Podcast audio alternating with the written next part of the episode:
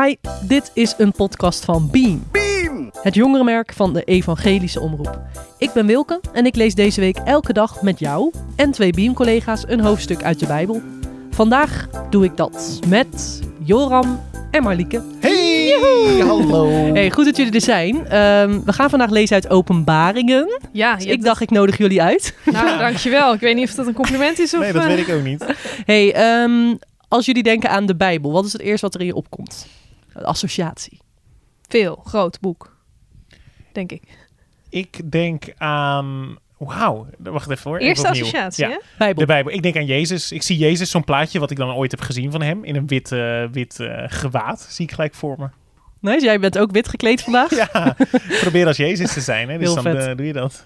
Heel vet. Hey, vandaag gaan we in eh, openbaringen lezen, want we hebben afgelopen jaar een onderzoek gedaan eh, naar wat de jongeren nou eh, het leukste Bijbelboek vinden. En dat is eh, openbaringen. Dus die gaan we lezen. Ik lees dat echt nooit. Nee, Nee, ja, het is een van de populairste. Ik denk ook dus omdat het zo'n mysterieus boek is, Ja. waar je vrij weinig misschien van begrijpt.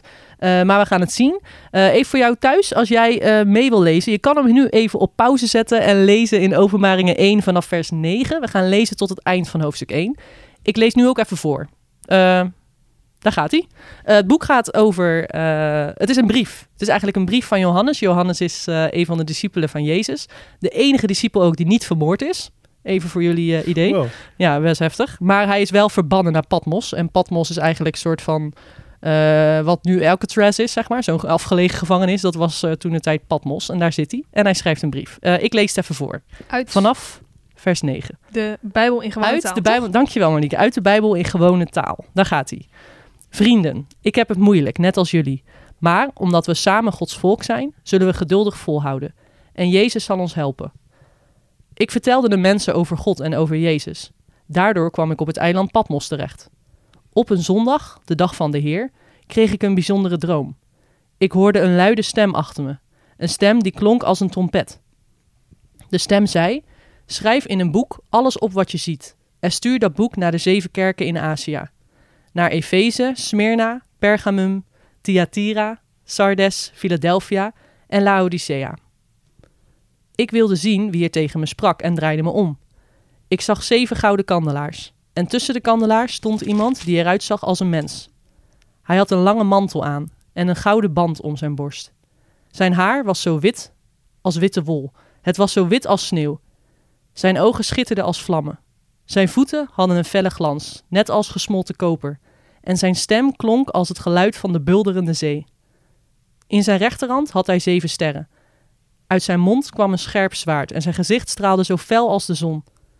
Toen ik hem zag, schrok ik heel erg en viel ik lang uit op de grond alsof ik dood was. Maar hij legde zijn rechterhand op me en zei: Je hoeft niet bang te zijn. Ik ben de eerste en de laatste. Ik ben degene die leeft. Ik was dood, maar nu leef ik voor altijd en eeuwig.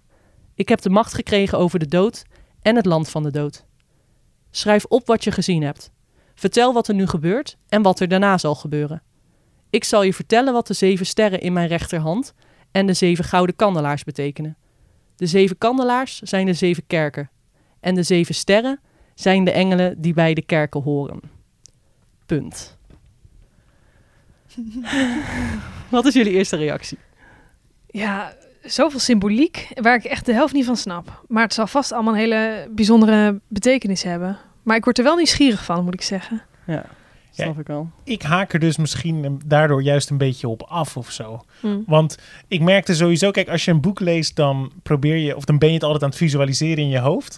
En bij die omschrijvingen van eh, wit, eh, wit, eh, witte, s- witte haren en eh, ehm, even kijken hoor, wat ogen schitteren als vlammen. Zijn voeten hadden een felle, felle glans, net als gesmolten koper. Dat is zo eh, gek eigenlijk dat ik het niet voor kan stellen. En daardoor vind ik het al lastig om dan een soort van te snappen wat er nou gebeurt. En dan gaat het ook nog over zeven kandelaren. En dat zal dan die kerken zijn of zo. Ja, ik, ik, ik snap het gewoon niet. En dan vind ik het lastig. Dan denk ik, ja, ik wil de Bijbel gewoon begrijpen. En dan vind, ja, vind ik het lastig. Dan, dus je kan het, ja, jij wordt er nieuwsgierig van of zo. Dat is dan positief. Ja, maar ook omdat ik er geen, geen hout van Ja, maar dat is dan mooi. Dat jij denkt, oh, wow, ik ben benieuwd. Ik denk dan, ja, ik ga wel wat anders lezen. Ja. Nou ja, je zit nog even hier. We gaan er een kwartier lang nog over praten. Ja. Hey, eh, ik heb jullie ook een klein beetje huiswerk meegegeven. Ik heb het zelf ook gemaakt. Ik heb jullie gevraagd, wat vind je mooi aan dit stuk? Wat vind je lastig aan dit stuk? En eh, op welke manier zie jij iets van Jezus door dit stuk? Lijkt me mooi om te beginnen met het mooie. Hè? Ehm, ik zelf vond het best wel cool.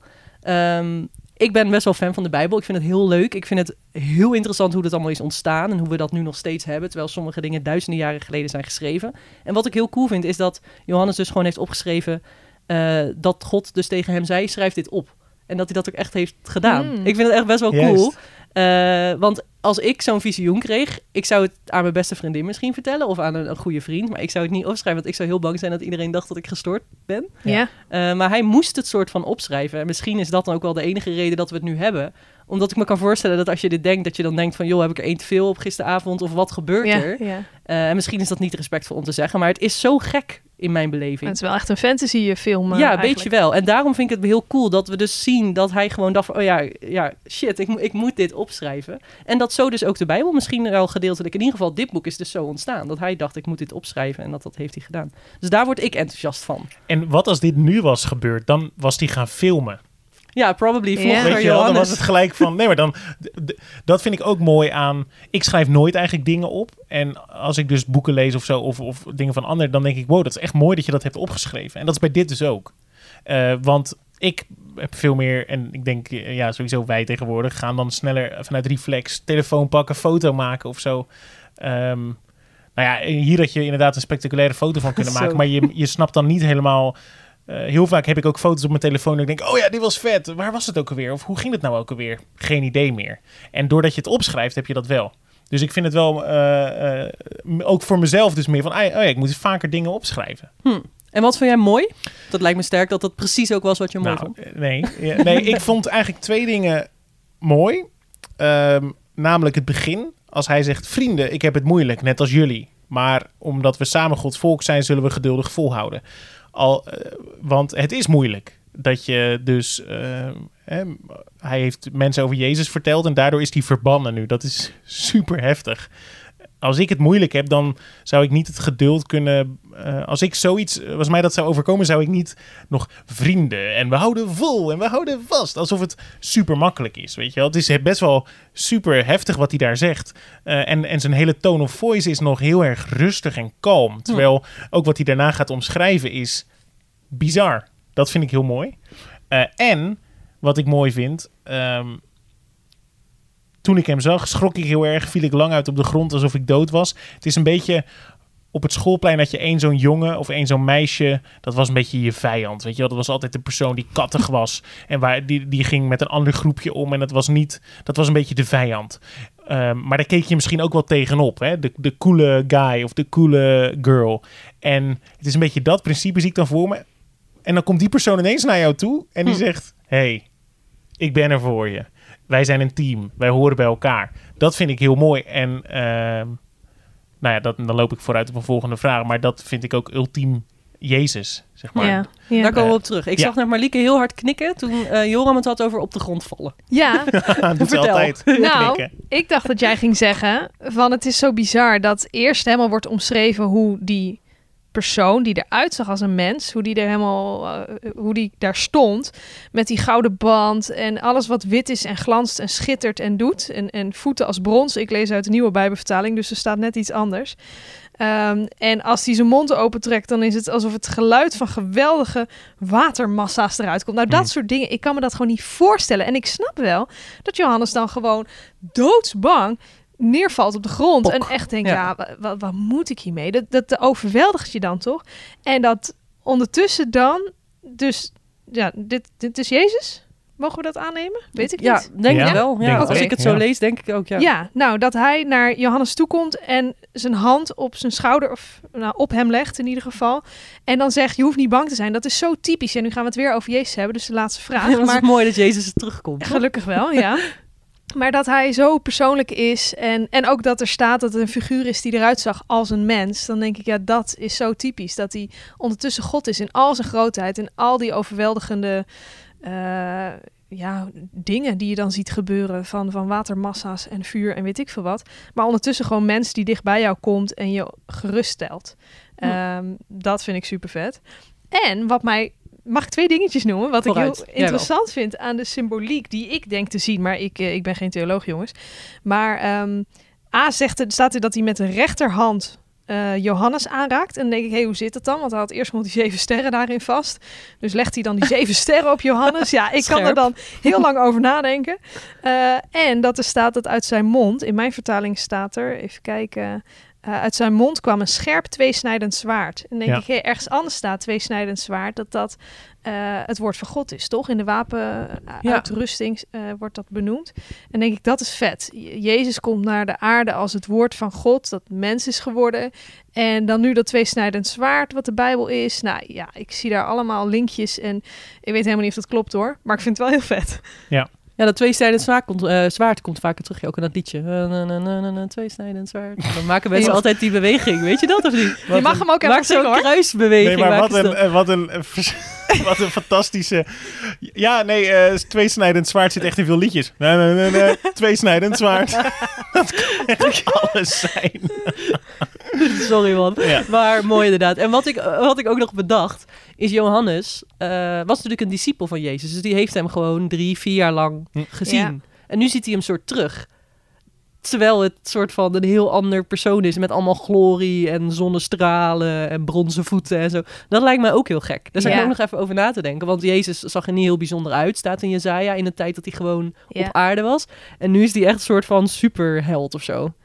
Ja. Eh, dat lijkt me ook heel gek voor Johannes. Ja. ja, hoe dat zijn beeld van Jezus heeft veranderd. Ja, lijkt me heel gek. En hij was natuurlijk gewoon ook weer... Hij was natuurlijk overleden. En toen dachten ze allemaal, die komt nooit meer terug. Drie dagen later was hij er weer. En toen eh, ging die omhoog. En toen dachten ze, nou, nu zien we hem echt nooit meer. En nu is hij er weer. Alleen dan dus in een andere versie. Ja. Dat is ook wel interessant. Ja. hey, eh, we hebben het er al een beetje over gehad. Maar eh, laten we het ook even hebben over de gekke dingen. Als je dit leest, waarvan denk je nou... Snap ik geen hol van. Die symboliek kwam al een beetje terug. Ja, die symboliek, dat, dat vind ik lastig. Eh, sowieso... ehm, ja, dat vind ik sowieso wel bij de Bijbel. Kijk, dus inderdaad, die referenties zijn heel mooi. Dat is een soort speurtocht. Hè? Dus dat je, dat je dan, oh, dit en hier, dat, dat is super mooi. Dat het, eh, oh, dat woord staat ook in die andere tekst. En dat heeft met elkaar te maken. En die theologie vind ik wel heel interessant als iemand het me uitlegt. Maar als ik het zo in de Bijbel lees, dan denk ik gewoon, ja. Eh, Johannes, eh, als je het dan toch zo op gaat schrijven voor ons, eh, weet je, wel, waarom, la- zorg gewoon dat het super duidelijk is of zo. Hm. Zou die het zelf hebben gesnapt, Johannes?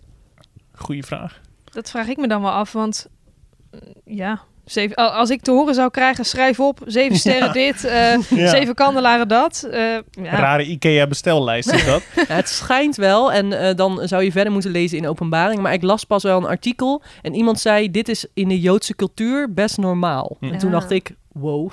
maar eh, veel Joden zullen begrepen hebben, want later komen er ook nog draken en eh, allerlei beelden Ja. en pro, eh, profetieën voorbij. Maar het schijnt dat dat wel begrijpelijk was. Maar ja, wij zijn geen Joden uit het jaar nul. Eh, Nee. Ja, Nou, en ik bedacht me dus ook toen we dit net gingen lezen dat ik een tijdje geleden een preek hoorde over deze tekst. En dat ik toen ook wegliep daar dat ik dacht, want die preek begon en toen werd dit gelezen en toen dacht ik precies hetzelfde van, oh my gosh, dit is, ik, gaan we het hierover hebben? Ik snap dit niet, bla bla. En toen was die preek klaar, 4,5 uur later. Nee, maar toen was die preek klaar en toen dacht ik, oh, wat vet, nu snap ik het. Maar goed, helaas weet ik het niet meer. moet je dan niet opschrijven of zo? Ja, wow. Ja, niet de, in een boek en dan noem je Ja, het. Nee, ja. nee, maar eh, die preek staat gewoon online. Maar nee, ehm, eh, dat, dat precies wat je zegt. Dan moet je dat soort dingen eigenlijk opschrijven. Ja. Ja. Want eh Marlieke, doe jij dat wel eens als je dit dan leest? En ook jij gaf net toe beeld, eh, de beeldspraak en de- daar snap ik niet zoveel van. Zoek jij het dan wel eens op? En zo ja, hoe doe je dat dan? Of niet echt? Mm, Want ik ik heb vind het- dat zelf moeilijk. Waar moet ik nou zoeken? Wat is betrouwbaar? Ja, ik heb het in dit geval niet gedaan, want ik dacht dat jij, Wilke, met alle antwoorden zou komen. Ah, Nee, dat denk ik grap. altijd met alles. Ja, is wel waar. Ehm, Hmm. Soms doe ik dat wel. En dat kan dan een hele simpele zoekterm zijn op Google. Gewoon eh, zeven sterren openbaringen. wat moet ik hiermee? Hm. Ehm, ja, wat doe ik dan? Maar Google is your best friend dan. Ja, Want eigenlijk gewoon wel. om elkaar een beetje tips hierin te geven. Ik Maar- zoek wel eens in het Engels. Want dan is er Oh. veel meer beschikbaar. Seven stars. Revelations. Ah. Maar sowieso bij openbaringen, als je dingen gaat googlen, kom je toch op allemaal van die shady eindtijdsites. Ja. Ja. Met Ja. echt de raarste Morgen. theorieën gewoon. Ja. Eh, eh, mijn moeder bijvoorbeeld, die zit daar helemaal in. Die stuurt mij soms dan artikelen door. Inderdaad echt met, eh, ja, gisteren dit NOS-journaal dit en dit. En daarom, de wereld is op zijn einde, bla bla. Eh, sorry mam. Eh, maar, eh, en dan denk ik over, ja, ach, dat is gewoon een of andere iemand die op zijn zolderkamer dat soort dingen zit te schrijven. Je weet ook niet, maar goed, dat is natuurlijk sowieso een probleem in onze maatschappij, van wat is nou echt en wat is niet echt. Ja.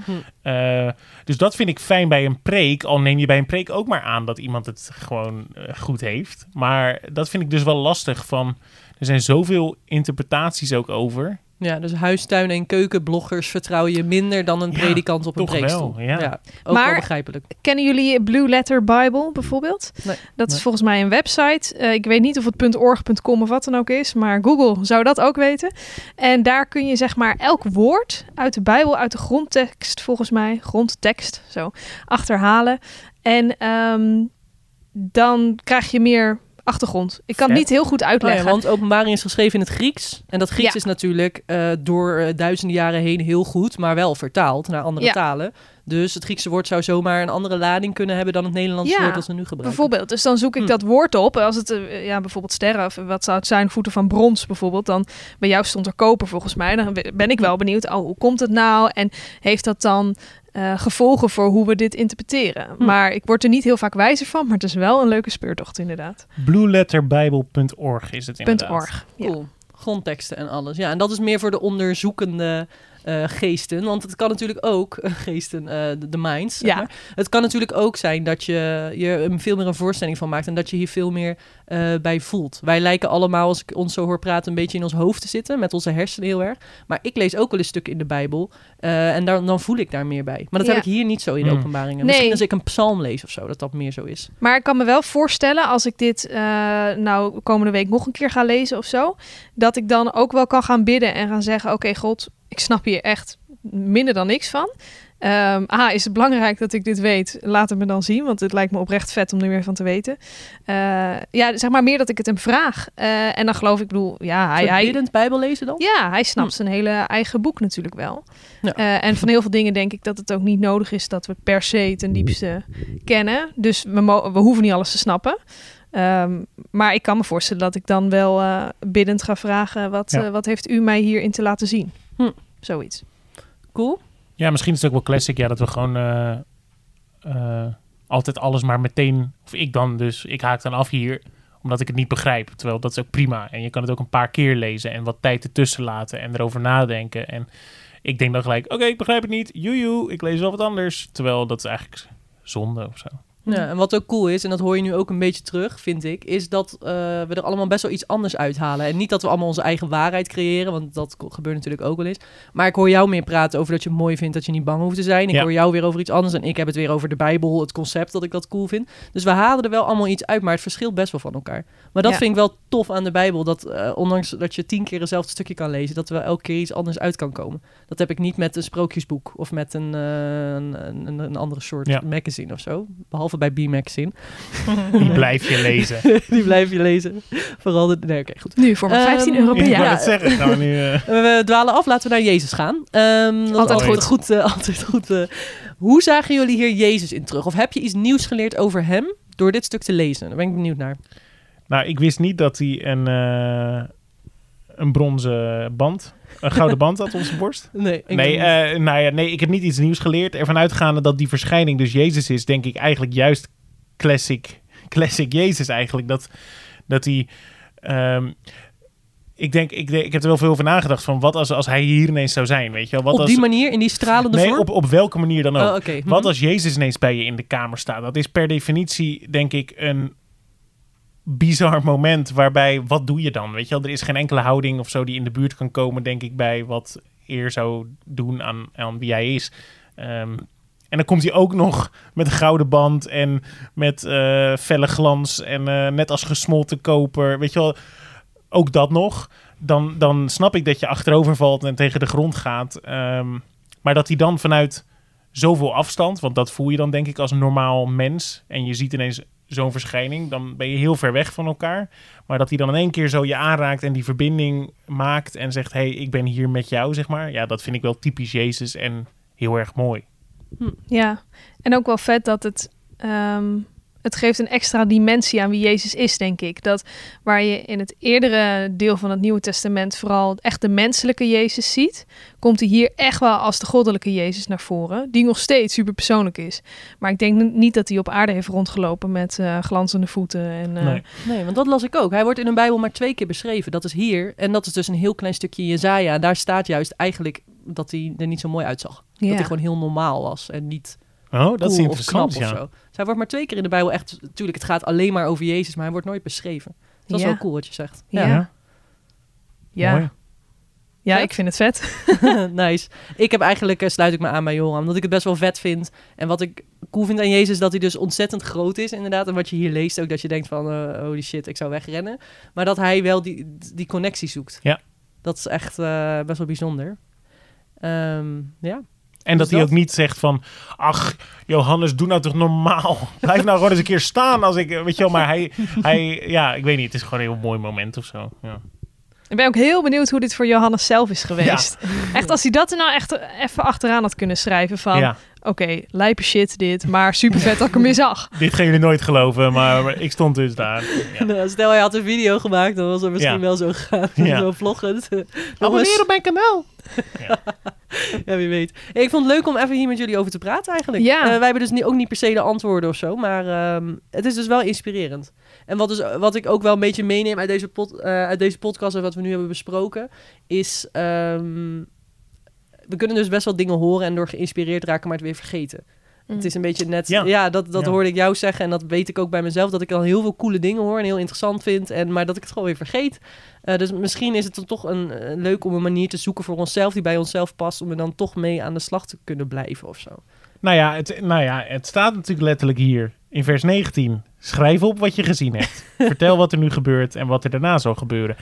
Dat is het beste toch dan om gewoon te registreren. En Ja, of je dat nou in een audio-appje Ja. doet of, eh, of schrijft of eh, je gaat voor je camera zitten. Maar documenteer eh, je openbaringen.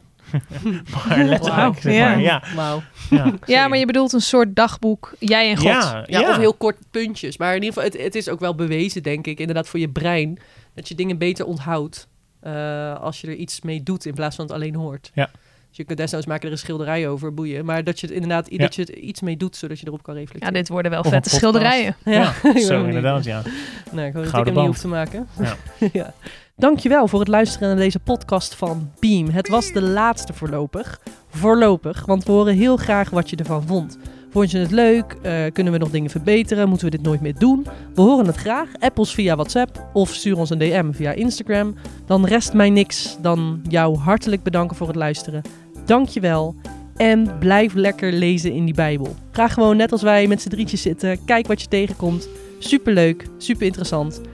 Thanks voor het luisteren en tot ziens. Beam out.